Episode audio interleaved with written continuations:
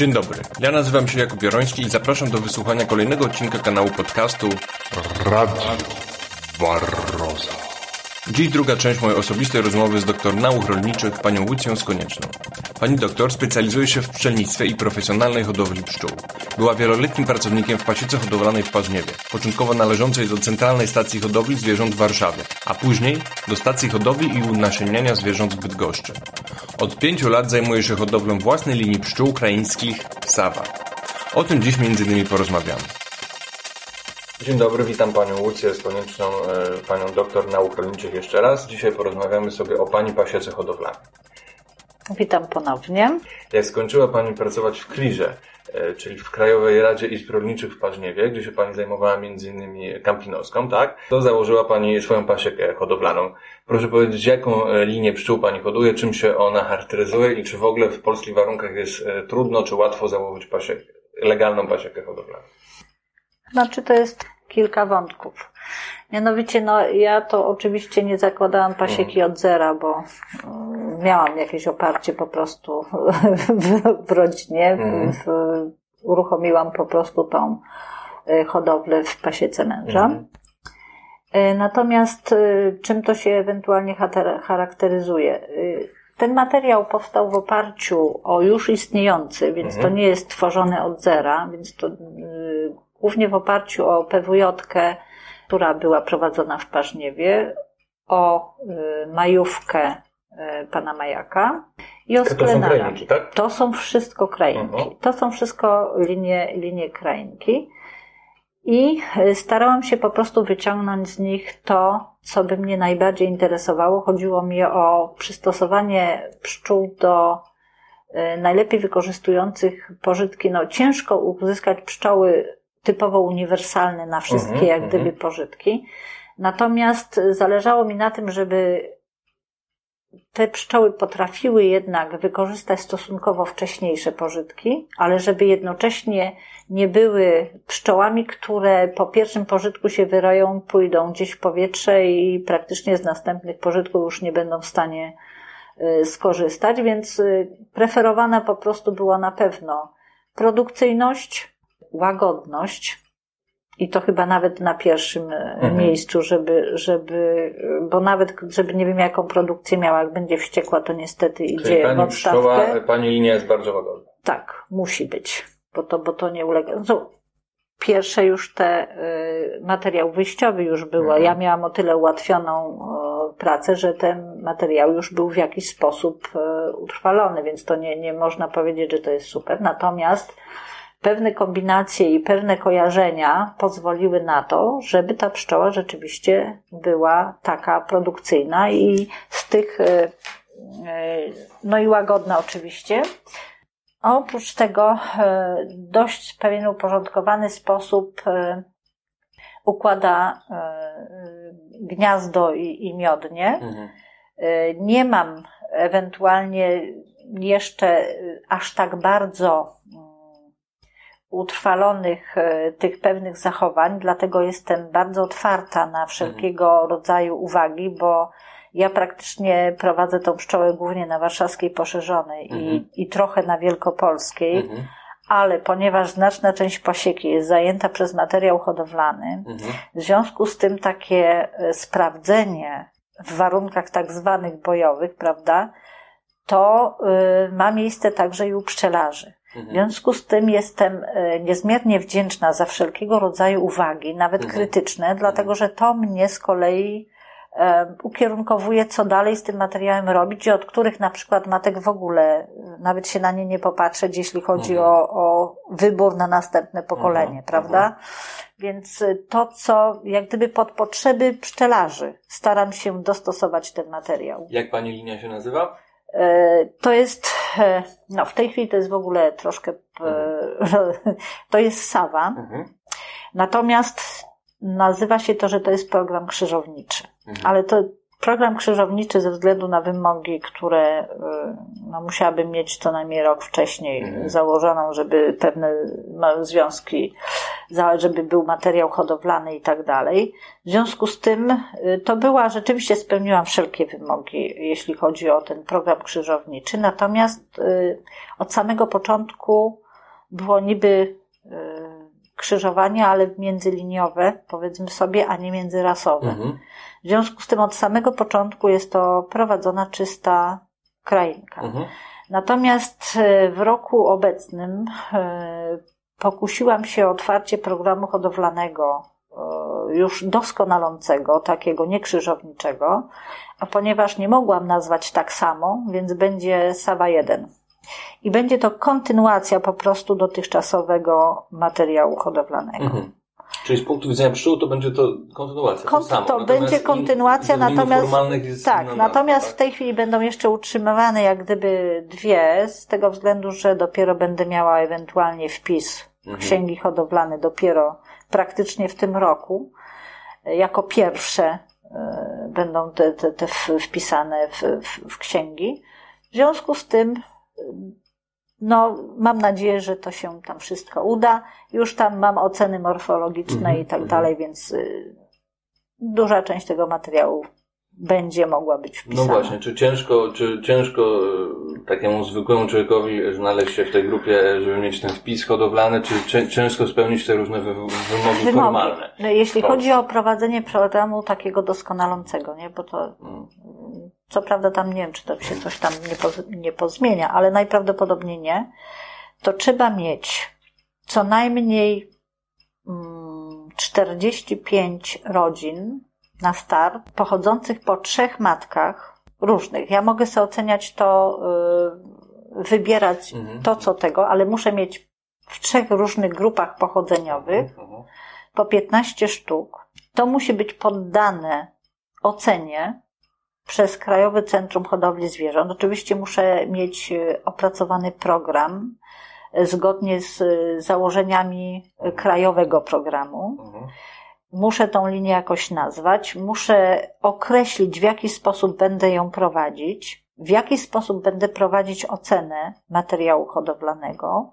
I to wszystko muszę mieć zawarte minimalne wymogi wpisu do księgi, wzorzec, który będzie obowiązywał, no i oczywiście potem będę podlegać pod e, badania morfometryczne, które będę wysyłać do e, Mhm. specjalistycznych tych laboratoriów, Mhm. które tej, tą ocenę robią Mhm. i cały czas muszę być pod nadzorem Krajowego Centrum Hodowli Zwierząt.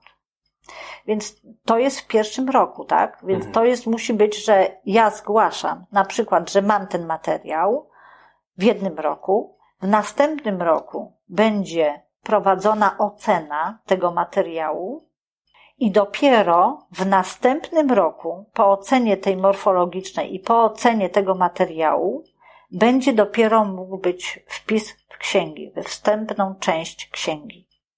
Więc ten, jak gdyby proces, y, który by umożliwiał wprowadzenie i prowadzenie tej księgi, jak gdyby, że, że znaleźć się wśród hodowców, gdzie, od których mam prawo reprodukować, to jest dwa lata. To jest minimum dwa lata przy zaangażowaniu co najmniej tych prawie że 50, no nawet trochę więcej, no bo y, ja muszę mieć minimum, podejrzewam, około 20, chyba 5 w ocenie, 15 sztuk w ocenie, ale te pierwsze to muszą być, muszą przeżyć, muszę mieć minimum te 45 sztuk w ocenie w Mhm. pierwszym roku, czyli muszę tak naprawdę zazimować więcej, żeby w tym pierwszym roku mieć 45 rodzin zaangażowanych. Więc y, no to jest dość, dość wysoki próg, prawda? Tym bardziej, że na przykład, y, no tak jak w tym roku wysłałam y, obowiązek wysyłania próbek, za które się oczywiście normalnie płaci, więc y, to jest rząd około, nie wiem, 20 czy 30 zł za, za, za próbkę. No to jak Mhm. wysłałam 30 czy ileś, no to wiadomo, nie? Koszty Są rosną. jakieś koszty, rosną. Czyli nie jest to takie proste. No nie jest to takie proste, tym bardziej, że rzeczywiście i po raz pierwszy wprowadziłam e, do e, tego programu doskonalącego, e, co prawda nie jako wyróżnik e, ten związany z koniecznym warunkiem wpisu do ksiąg, ale już jest prowadzone e, zachowanie higieniczne. W rozrodzie po prostu Mhm. będą preferowane matki, które, które będą miały poprawniejsze i szybsze usuwanie tych wszystkich. No te pintesty po prostu są Mhm. prowadzone już jako, jako te zachowanie higieniczne Mhm. obowiązujące. Czyli pani, jak można scharakteryzować panią, pani linię? Łag, bardzo łagodna, Mhm. e, Wykorzystująca naprawdę dobre, dobre, dobrze te, te, te pożytki. Y, dość uniwersalna, tak? Dość, uni- dość uniwersalna jak, na- jak na warunki Polski, tak, bo y, no, jeszcze nie mam y, aż tak skonsolidowanych cech, w którym kierunku ewentualnie bardzo ładnie układ gniazda ma rzeczywiście, to trzeba przyznać. I jest preferowane, żeby to było takie zdecydowane, jak gdyby oddzielenie, żeby nie, nie, nie, nie było tak, że tu kawałek czegoś czerwiu, potem znowu kawałek Mhm. jakiś, jakiś yy, po prostu yy, jakiś miodu, a potem znowu gdzieś będzie paprać nie wiadomo co, więc żeby to było tak ładnie, ładnie skumulowane. Poza tym jest jeszcze jedna ciekawa cecha, która nigdzie nie ma, ale to tylko na oko, mianowicie konsolidacja rodziny pszczelej. Mhm. Tego nikt jeszcze nie robił praktycznie, jeśli chodzi o preferowanie pewnych zachowań, bo czasami na przykład y, rodzina bardzo duża, Mhm. ale ona jest jakaś taka rozbiegana, ona y, nie ma tych skoordynowanych ruchów i jakby pan porównał Mhm. e, potem wyniki produkcyjne z jednej rodziny i z drugiej, Mhm. która rzeczywiście prawie, że się nie, niby nie rusza, ale wydajności zdecydowanie są lepsze z tej niż tamtej Mhm. rodziny. No, czyli pani, pani też linia naszą cecha jest produkcyjnie dobra, oczywiście. No, No. bo po to się hoduje. No po to się hoduje, żeby to było. I w przyszłości będzie też higieniczna. No ona jest, tylko tyle, że staram jeszcze się, mam nadzieję, że będzie lepiej. To znaczy Mhm. pierwsze te, jak gdyby przyjrzeć się z jakiego poziomu startujemy i starać się po prostu więcej zrobić. O. No dobrze, to teraz e, proszę powiedzieć, jak się można ewentualnie z panią skontaktować, żeby nabyć te pszczoły i testować. No i jest ewentualnie strona Mhm. internetowa. My podamy później w linku tam, ale Tak. proszę powiedzieć, żeby... To jest pasiekasawa.pl. pasiekasawa.pl Także, Dobra. także. I tam, są, tam jest kontakt do pani, tam, Tam można jest kontakt, tam można coś tam znaleźć. Radio Barroso. A jak wygląda, ciekawi mnie to e, w technice. E, Chodzi mi na przykład, że sztuczna inseminacja, jak, e, uliki weselne, tak? Prowadzi Mhm. się to hodowlę, bo pani powiedziała, że ma pani głównie e, ramkę warszawską posłużaną, czyli uliki weselne są na taką ramkę? Nie. Uliki są weselne, są mniej więcej podobne zupełnie jak te mini plusy, jakie są. E, Natomiast to, co staram się ewentualnie potem wykorzystać, to e, zimować nawet na tych mini plusach Mhm. piętrowo, na przykład I na jakąś korp- rezerwą. korpusach takich? Dwóch, trzech, różnie. I, I sukcesy są. Jakieś no, cały czas eksperymentuję, więc e, w tej chwili też było, poszło tam parę ładnych sztuk, więc zobaczymy, co będzie po tej zimie. E, Zawsze to łatwiej potem ewentualnie coś zrobić, jakieś rezerwowe matki w razie czego też są. E, Natomiast ja staram się, co prawda pasieka nie jest z gumy i te, wygo- te e, starsze matki, ja do niektórych mam wyjątkowy sentyment, ale to nie wygląda tylko z sentymentu, tylko dlatego, że e, niektóre matki są niezwykle cenne Mhm. i trzymam je jak najdłużej. Mhm. E, Miałam już tak, że w zeszłym roku miałam zielone i też po Czyli sztucznej. proszę przypomnieć, to Po sztucznej to jest za rok. 2014. Mhm. A mamy rok 2000, czyli do 2018, Czyli czteroletnie. czteroletnie już, już też były. Czy mi się uda? Ale trzymane jak reproduktorki, czy rozumiem, że oszczędne? Nie, one były normalnie. Nie, Norma- normalnie mogły się norma- wyżyć na czerwieniu, Normalnie jak chciały, mogły, tak? mogły się wyżyć na czerwieniu, z tym, że nie prowadzę pasieki, trzeba sobie zdać sprawę, że nie prowadzę pasieki typowo produkcyjnej na miód, gdzie wyżyłowane są te pszczoły do, do imentu. Natomiast na pewno są normalnie eksploatowane, tam część też się z tego jakichś odkładów robi, część Mhm. wykorzystuje na produkcję z kolei, wie pan, y, matek i tak dalej, Mhm. także, także też są eksploatowane. To nie jest tak, że, że tylko i wyłącznie coś. Więc y, w oparciu, oczywiście wszystko idzie w oparciu, utrzymanie materiału hodowlanego idzie w oparciu o, o, o sztuczne unasienianie, bo innej kontroli w tej chwili nie ma. No i oczywiście staram się w tej chwili e, zabezpieczać także stronę ojcowską poprzez stosowanie oblotników jakiś różnego typu. Czyli w pomieszczeniu zamkniętym, Nie. tak? Oblotniki są raczej, będę preferować na zewnątrz ula. Jakaś zawieszane. siatka, tak? Mhm. Nie, po prostu takie, że, że, że z kratą odgrodową, coś, coś Aha, takiego, żeby aha. nie miały możliwości, ale żeby miały możliwości oblecenia się. Aha, aha. Próbowaliśmy kiedyś jeszcze y, izolować y, trutnie na ramce i tak dalej. Trzeba mieć specjalne pomieszczenie potem niestety do tego, żeby one mogły się szczyścić, bo to, mhm. co No to się tam dzieje, to o matko. Lepiej, lepiej tego nie Mhm. wąchać potem. W każdym razie to musiało być po prostu doprowadzone do oblotu, żeby potem móc w ogóle bezpiecznie użyć tych trutni do, do, do inseminacji. Po prostu. Więc y, są pewne możliwości takie, które to, ale to z kolei jest dodatkowa praca, prawda? Co tu dużo mówić? Prowadzenie pasieki na miód to zupełnie coś Mhm. innego niż pasieka hodowlana, dlatego że tutaj mi nie wolno tego zabrać, a tutaj mi nie wolno tego, tego, bo ja muszę to ocenić, ja muszę to zobaczyć, co ja z czego wzięłam, a w razie czego robić rekompensatę, że jeżeli ja coś zabrałam, to muszę wziąć poprawkę na ocenę, jak to się, jak to się miało do, do, do tego. Także to nie jest takie proste. A poza tym opracować odpowiedni plan kojarzeń do tego, żeby uzyskać określony efekt i utrzymać, bo wie pan, trudniej to sobie można z każdej pasieki, z każdego ula wziąć. Ale tutaj trzeba się postarać o to, żeby uzyskać odpowiednie trudnie w odpowiednim czasie, ale od odpowiedniego materiału. I tu jest główny problem. I muszę panu powiedzieć, że nie są problemem matki. Mhm. Problemem są trudnie Mhm. i uzyskanie odpowiedniego materiału. Jak zwykle, z męską częścią. Czyli te matki inseminowane u Pani, to one, te długowieczne, o których Pani mówiła, to są sztucznie inseminowane. Tak. R- No Zarodowe. większość, większość. Mhm. Co prawda I część one żyją bez problemu, tak? Mm, Różnie bywa, oczywiście, nie powiem, że nie.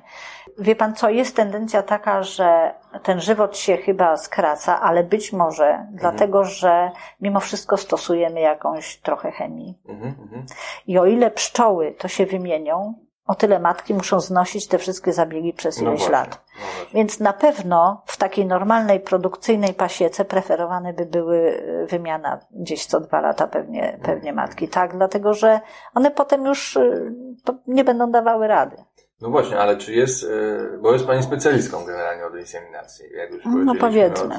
Od, od dawna Pani się tym zajmuje i, i na studiach się tego Pani wyuczyła i w praktyce.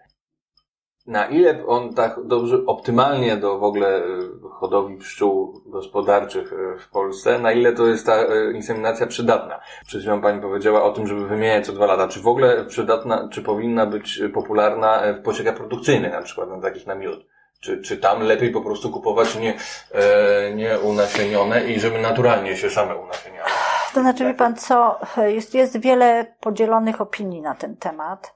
Oczywiście y, wszyscy zwariowali, ja już w cudzysłowie, na temat naturalności i tak dalej, że broń Panie Boże żadnej y, sztucznego unasieniania, żadnego nic, bo to te matki są do bani, one krótko żyją i to na pewno wszystko, co jest związane ze skróceniem żywotności matki, to na pewno jest wina inseminatora, że coś źle zrobił albo coś tam takiego innego. To są rzeczywiście, te rzeczy można włożyć między bajki. Mhm. Y, To znaczy tak, można prowadzić pasiekę w oparciu wyłącznie na przykład typowo produkcyjną, Mhm. o matki inseminowane sztucznie. Jak najbardziej. Mhm. Z tym, że efekt jest taki, że ja mogę trzymać na przykład stan liczebny jednej trzeciej takiej pasieki w stosunku do normalnej i będę mieć te same efekty. Mhm. Bo ja zrobię w tym momencie określone mieszańce po to, żeby dały odpowiednią ilość tego Mhm. miodu Mhm. I taki będzie tego efekt. Mhm. Ja je mogę po dwóch latach zmienić. Czemu nie? Ale mówię, ja się mniej napracuję, uzyskając ten sam efekt. Z tym, że Polska była na przykład do tej pory naprawdę mm, ewenementem, jeśli chodzi o ilość sztucznie unasienionych matek wykorzystywanych w produkcji. To było trochę też zwichnięte ze względu na to, za co płacili, ewentualnie tam rekompensaty dla pszczelarzy dawali, prawda? Gdzie już poszło już zupełnie nie w, ty, nie w tym kierunku, bo były dość duże ilości matek sztucznie unasienionych bez sprawdzonego czerwienia rozprowadzane i tam były różne, mhm. E, po prostu pszczelarze sobie z pewnymi rzeczami nie bardzo radzili, jeśli chodzi o obsługę tego typu matek i doprowadzanie do czerwienia i tam no tak, zostało jak gdyby wylanie. Jest trudniejsze. Jest trudniejsze. Natomiast sam efekt, który można uzyskać, naprawdę jest mhm. bardzo interesujący. Mhm. Tylko, że mówię, to nie dla każdego, rzeczywiście, bo ktoś, kto dopiero zaczyna i sobie z pewnymi rzeczami no, trudniej poradzi, to jest inna sprawa. Natomiast y, muszę panu powiedzieć, że Polska naprawdę było kilka, jeden z ewenementów, a poza tym mamy już najwięcej, y, najwięcej chyba inseminatorów w kraju. Mhm. I, naj, I chyba jako kraj wykorzystywaliśmy chyba te matki sztucznie inseminowane w produkcji. Natomiast za granicą praktycznie to były y, wykorzystywania na skalę laboratoryjną do mhm, badań mhm, i tak dalej. Natomiast u nas to już było w produkcji. No tak. To właśnie dobrze czy źle? Dla mnie dobrze. No, Tym bardziej, że dużo większa kontrola materiału, który szedł. Na pewno. E, z tym, że to się jeszcze wiązało z tym, że rzeczywiście w pewnym momencie trzeba by było e, dopracować schemat unasienia, żeby nie można było zwiększyć po prostu trochę różno, bioróżnorodność. Chodzi o to, żeby nie e, reprodukować na przykład po jednej macy przez cały sezon, mhm. albo coś takiego, bo to jest masowe rozprowadzanie wtedy tego no tak. samego genotypu. Więc w ogóle chyba tutaj... niekorzystnie mieć na przykład całą pasiekę jako córki po jednej mace. Chyba się powinno tego no nie. unikać, tak? Raczej, raczej się powinno tego unikać. Więc, więc mówię, tutaj, tutaj jest pewne niebezpieczeństwo stosowania tego, chociaż e, no przy naturze no to się bardziej wymiesza, tak? Mhm. Natomiast tutaj trzeba bardziej świadomie stosować. Natomiast wcale bym nie twierdziła, że, że to jest złe. Mhm. Rozumiem. Radzi Barroso. A jakie ma e, Pani zdanie na temat e, backfasta w Polsce? E, teraz też, też pojawiły takie opinie, żeby trzeba było bardziej kontrolować, więc Pełna dowolność, kontrola, a może nawet zakazać, bo i takie czytałem opinie. Wszelkie zakazy się mijają z celem, bo to i tak nie jest do wyegzekwowania, więc możemy to sobie od razu odłożyć. Y, świadomie po prostu może zwiększyć kontrolę, świadomie trzeba mhm. po prostu robić to, wiedzieć, co się robi. Mhm. Można zwiększyć ewentualnie kontrolę, ale pamiętajmy o jednym.